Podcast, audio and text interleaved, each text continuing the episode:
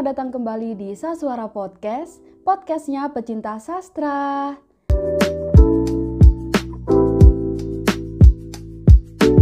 Aku Galuh yang akan memandu obrolan santai tapi serius seputar sastra kali ini.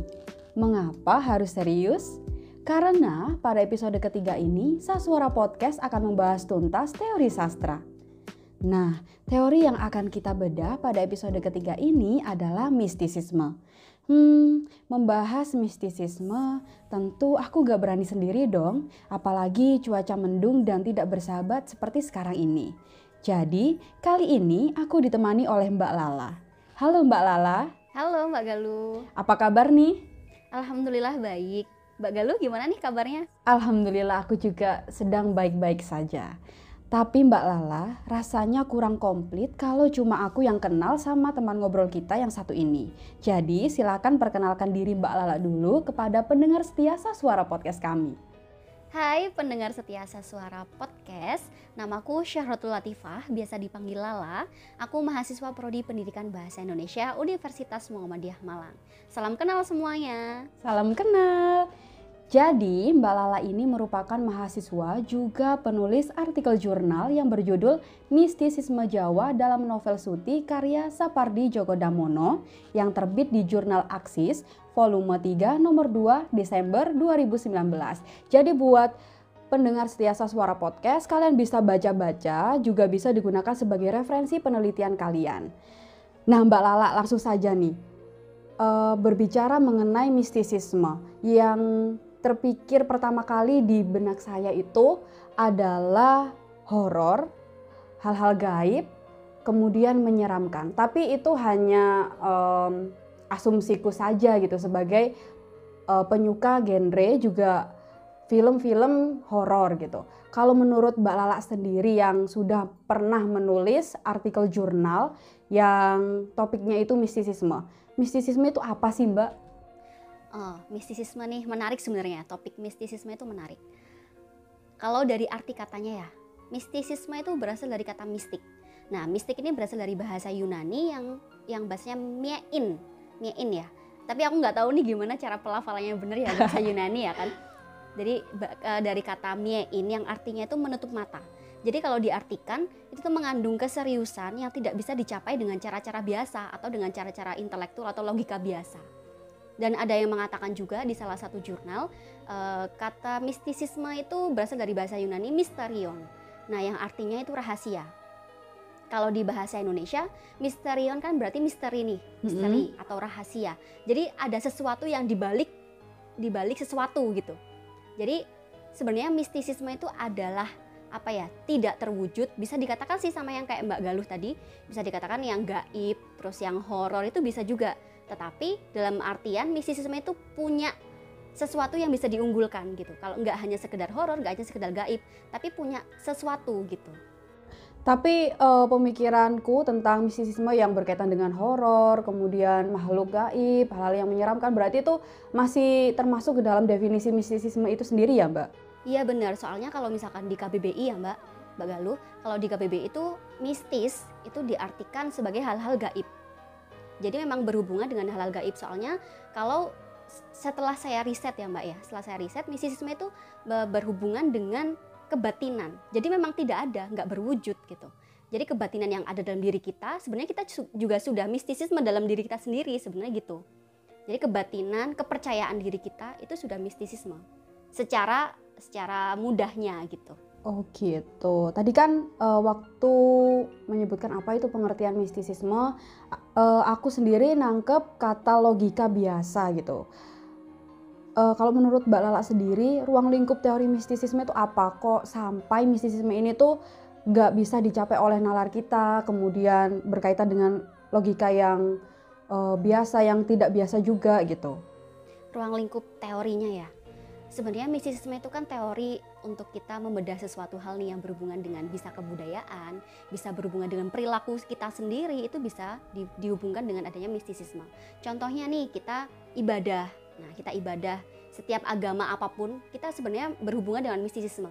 Karena mistisisme itu berhubungan dengan kebudayaan, bisa berhubungan dengan agama.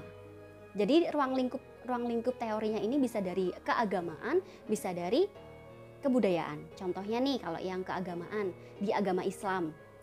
Nah, di situ ada yang namanya tasawuf, ilmu-ilmu ya maksudnya kalau di agama Islam kan ada sih mengunjungi makam itu juga oh, ada kan. Uh, uh. Itu di kebudayaan pun juga ada mengunjungi makam, tapi memang kita beda caranya. Kalau di tasawuf sufisme, sufisme mungkin juga dengan doa-doa secara islami atau secara apa. Tapi kalau misalkan di kebudayaan juga misalkan di mistisisme Jawa ya. Di Jawa itu dengan ya doa-doa orang Jawa lah kejawen gitu kan. Jadi cuman beda cara penyampaian aja. Sebenarnya antara sufisme atau mistisisme ya memang satu mistisisme gitu mistis. Berhubungan dengan hal-hal gaib. Dan hal gaib ini zatnya zat itu kan nggak terlihat ya. Misalkan kita kayak percaya sama Tuhan nih. Percaya sama Tuhan ya udah kita kan dari hati kita sendiri kan. Dari diri kita dari hati kita. Ya kita mau menyampaikan kamu kenapa sih kok percaya sama Tuhan? Ya memang kita sudah ada yang terpaut gitu loh. Lah benang merahnya ini yang memang nggak terwujud gitu Berarti uh, di apa ya di dunia mistisisme itu sendiri agama sama kebudayaan itu memiliki korelasi yang saling terikat gitu ya Mbak? Sebenarnya menurut saya ya Mbak ya, sebenarnya itu berbeda. Soalnya kan memang agama punya akidah sendiri ya kan. Hmm. Uh, agama Islam punya tata caranya sendiri se- menurut Al-Quran dan hadis dan memang harus dari situ gitu kan. Lalu ada juga kebudayaan nih, kebudayaan kan juga punya kitabnya sendiri kan. Kita punya kitabnya sendiri, punya apa ya, punya hal-hal aturan-aturannya sendiri. Tetapi memang cara penyampaiannya waktu dulu kan ya kita tahu kan kita sejarah ya, maksudnya Indonesia itu kan tidak ber- berdiri juga karena sejarah kan. Sejarah masuknya agama Islam juga dari kebudayaan gitu loh. Kenapa orang Islam banyak dianut oleh negara Indonesia, banyak uh, jadi mayoritas agama kan di Indonesia. Kenapa? Soalnya kan memang melalui kebudayaan yang ada memasukkan agama Islam gitu. Tapi memang akidahnya juga harus diperhatikan ya, berbeda antara kebudayaan dan antara agama Islam itu sendiri sebenarnya berbeda. Cuma caranya, caranya itu dengan kebudayaan gitu. Eh, ngobrolin soal ruang lingkup teori mistisisme. Kan tadi itu eh, Mbak Lala nyinggung nih kalau misalnya mistisisme ya udah itu teorinya mistisisme, tapi eh, nanti itu ada kebudayaan, perilaku, agama seperti itu kan. Nah, kalau eh, berkaitan dengan artikel jurnal yang sudah Mbak Lala analisis, yang sudah Mbak Lala tulis hingga diterbitkan di jurnal Aksis nih. Kan itu mistisisme Jawa dalam novel Suti karya Sapardi Djoko Damono. Itu kira-kira em, ruang lingkupnya di arah mana gitu Mbak? Ranahnya ke mana gitu? Kalau di penelitian saya kemarin itu kebetulan dari perilaku, perilaku keseharian. eh, ini kan dari subjek, ya objeknya kan dari novel ya, dari novel Suti. Nah di novel Suti ini diangkat di tahun 1960-an dan di situ bercerita tentang kayak keluarga, keluarga seorang priai, di mana masyarakat itu selalu percaya gitu loh dengan tindakan seorang priai. Jadi priainya untuk misalkan nih di situ kan ada makam. Mm-mm. Nah, makam ini namanya makam Mbah Parmin. Makam Mbah Parmin ini dianggap sebagai makam keramat oleh warga situ, warga Tungkal, desa Tungkal. Sebenarnya di dalam novel diceritakan itu yang membuat adanya percaya pada makam orang pintar itu sebenarnya orang kota, bukan orang desa itu sendiri. Jadi orang kota itu datang karena kok itu kok menarik ya, maksudnya makamnya menarik ya. Wah ini makam orang pintar nih gitu. Kata-kata orang kaya, orang orang kota itu seperti itu. Tetapi sebetulnya orang desa itu karena ini makam Mbah Parmin orang yang harus dihormati karena dia adalah pejuang, pejuang Belanda kan waktu itu. Meskipun meninggalnya tidak karena tidak karena dibunuh dibunuh apa penjajah waktu itu kan. Tapi dia meninggalnya karena digigit anjing. Sebenarnya kayak komedi nggak sih gitu loh. Sebenarnya orang-orang yang percaya dengan mistis juga ada komedinya gitu loh. Tapi karena orang kota percaya oh ternyata makam Mbah Parmin makam ini nih maksudnya makam orang yang orang yang bisa di apa ya kita unggulkan gitu kan. Perjuangannya gitu. Jadi orang kaya percaya eh orang kota percaya kalau misalkan kayak oh ini bisa jadi yang bisa mem- memberkahkan kehidupan kita. Kalau kita bisa berdoa di makam itu pasti kita kehidupannya berkah. Kita bisa dapat banyak rezeki dan lain-lain gitu kalau di dalam novel. Kalau dalam novel itu ya Mbak. eh kalau aku boleh tahu nih, apa yang melatar belakangi Mbak Lala gitu sampai tertarik untuk mengambil kajian tentang mistisisme karena kan eh, setiap orang itu berbeda-beda gitu perspektifnya ada yang mereka itu percaya ada juga mereka itu yang eh, menganggap bahwa penelitian mistisisme itu nantinya menjurus ke arah yang eh, syirik kayak gitu apa sih yang melatar belakangi Mbak Lala tetap uh, kekeh gitu untuk meneliti mistisisme itu? Mistisisme ya. Mm-mm. Sebetulnya karena kita kan emang saya sendiri ya, saya kan orang Jawa. Orang tua saya Jawa, saya juga punya nenek. Sebenarnya melatar belakangnya ini sih, saya punya nenek, tapi tuh ya meskipun kita hidup di era udah era milenial banget nih, tapi kan untuk orang- orang-orang yang zaman dahulu itu kan masih melaksanakan tradisi ya kan. Nah, kalau di nenek saya sendiri itu kayak apa ya? Nenek saya itu percaya roh itu pasti datang. Entah itu suami yang telah meninggal, entah itu anak, entah itu mertua atau siapa pun yang masih ada kerabat dengan kita, itu pasti datang gitu loh. Hmm. Entah entah cuman sowan, sowan itu artinya eh, berkunjung gitu kan, cuman sowan atau cuman sekedar datang, makan, minum itu butuh katanya. Roh itu sama seperti hidup, seperti orang hidup. Dia butuh makan, butuh butuh minum, butuh semuanya. Makanya ada yang di Jawa kan namanya sesajen dan lain-lain lah ya. Oh. Itu kan juga ada. Jadi itu masih Dan- berkaitan sama yang Mis- apa uh, mistisisme yang hid- orang Jawa itu menganggap bahwa roh itu hidup kayak gitu ya Mbak? itu tuh dan kebanyakan orang Jawa memang percaya karena orang Jawa itu percaya. Maksudnya roh roh dan jasad maksudnya raga itu masih berdampingan gitu. Meskipun orang yang sudah meninggal itu masih ada. Dalam kehidupan kita semua masih ada. Ketika saya baca buku sih gitu. Kalau Mbak Lala sendiri nih eh, sebagai peneliti, kan mistisisme itu berkaitan dengan hal gaib, hal-hal yang di luar eh, rasio manusia gitu. Kadang kita eh, memikirkan yang namanya hal-hal gaib itu kadang juga nggak bisa gitu loh kita terima secara akal gitu.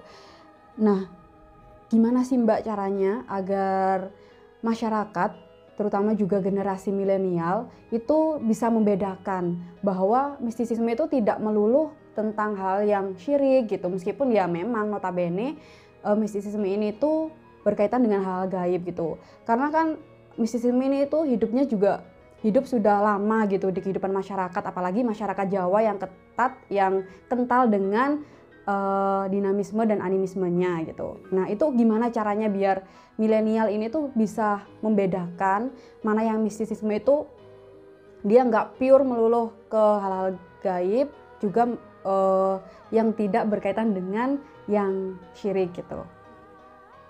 jadi gini untuk anak-anak milenial lah sebenarnya kan mungkin bodo amat ya anak milenial sekarang kan. Kayak ya udah itu kan mistis ya udah gitu kan. Dan kebanyakan juga anak milenial sebenarnya harus paham nih maksudnya agama ya agama kebudayaan ya kebudayaan. Jadi memang harus ada batas tapi memang caranya bisa disatukan gitu loh. Ada orang yang menyebarkan agama melalui kebudayaan gitu kan ada. Contohnya Sunan Wali Songo gitu kan menyebarkan agama dari kebudayaan. Tapi kita sebagai generasi milenial nih sebagai generasi yang udah melek pengetahuan udah bisa mengakses banyak hal dari cuman dari segenggam HP doang itu sebenarnya harus bisa melek sih. Maksudnya kayak ya kamu boleh tidak misalkan tidak menerima mistisisme gitu loh. Karena itu sirik dan lain sebagainya kamu boleh. Tapi kamu juga harus melestarikan hal itu. Toh kamu juga orang misalnya nih orang Jawa. Dan memang sih secara secara saya pribadi saya juga sebenarnya tidak terlalu percaya dengan hal-hal mistisisme gitu kan. Maksudnya hal yang mistik. Kayak misalkan keluar rumah harus begini harus begini gitu kan. Maksudnya dengan mitos-mitos seperti itu ya ya udah bodo amat gitu sebenarnya kayak gitu. Tapi kita juga harus paham itu loh identitas kita. Itu loh kearifan lokal kita yang harus kita tunjukkan. Itu loh harus kita harus bangga dengan adanya kebudayaan-kebudayaan semacam itu. Karena kalau misalkan kita emang nggak ada kebudayaan lalu apa yang kita tonjolkan gitu karena kebudayaan sehari-hari kebudayaan yang ada dalam sekitar kita ya itu memang harus kita lestarikan. Karena juga ditambah dengan udah era yang seperti ini era digital udah semakin semakin membesar ya kan. Jadinya harus memang benar-benar kebudayaan kearifan lokal itu juga harus ditingkatkan bebarengan dengan era di- digitalisasi sekarang ini gitu. Eh, lalu singkatnya nih Mbak, pesan yang ingin dan akan Mbak Lala eh, utarakan kepada generasi milenial berkaitan dengan mistisisme ini itu apa? secara lebih gampangnya aja gitu ya biar lebih memahami gitu kan. Sebenarnya mistisisme itu menarik gitu. Kata-katanya itu menarik sebenarnya mistisisme menarik. Karena ke, ge- apa berhadapan dengan sesuatu yang goib yang tidak ada gitu kan. Tetapi memang dalam apa ilmu pengetahuan mistisisme itu memang sangat diperlukan. Karena apa? Kita bisa mengkaji. Kenapa sih orang-orang suka dengan misalkan cari cari apa ya namanya? Kayak menyembah makam gitu kan bisa. Terus juga menyembah pohon menyembah itu. Kenapa? Karena memang kita harus kembali ke masa lalu juga. Adanya animisme dinamisme itu. Karena jangan apa ya sejarah. Karena sejarah itu jangan melupakan sejarah gitulah. Yang penting apa ya untuk era-era milenial nih jangan lupakan sejarah. Meskipun sekarang kamu juga udah bodo amat nggak ya udahlah mistisisme aku juga nggak nggak nggak terlalu suka nggak usah dipelajarin gitu. Tapi kamu jangan apa ya melupakan sejarah. Karena kita juga ada juga karena sejarah gitu. Di masa depan kamu yang menciptakan dari sekarang ini gitu. Jadi kan kita memang terlahir dari sejarah, jadi jangan pernah melupakan sejarah itu. Betul. Karena kan sejarah juga uh, tidak bisa dilepaskan dari yang namanya mistisisme dan dinamisme, kemudian uh, kepercayaan masyarakat di masa lampau gitu kan, Mbak. Nah, uh, aku rasa pembicaraan kita, obrolan kita kali ini tuh cukup menarik gitu membahas tentang mistisisme memang tidak ada habisnya. Tapi sayang sekali gitu, Mbak Uh, sepertinya pembicaraan kita memang harus dituntaskan sampai di sini. Uh, tetapi saya, uh, aku pribadi nih sangat tertarik sekali ketika Mbak Lala uh, menceritakan ngobrol santai tapi juga serius mengenai mistisisme, juga um, artikel jurnalnya gitu. Tapi nggak apa-apa kan Mbak jika pembicaraan kita harus tuntas sampai di sini? Iya sayang sekali ya sebenarnya ya kan karena masih banyak sih yang harus dikorek-korek untuk mistisisme ini tuh okay. menarik sebenarnya kata uh. mistis kan menarik, ya, menarik. ya goib ya kan karena kan memang hidup di sekitar kita gitu nggak bisa benar, dilepaskan benar. juga gitu. Buat kamu, jangan ikutan sedih ya, karena obrolan mistisisme ini bukan akhir dari Saswara Podcast kami. Jadi, masih banyak obrolan seru lainnya. Itu tadi obrolan santai juga serius mengenai teori mistisisme. Jangan lupa buat selalu dengerin Saswara Podcast pada hari Selasa dan Jumat. Terima kasih.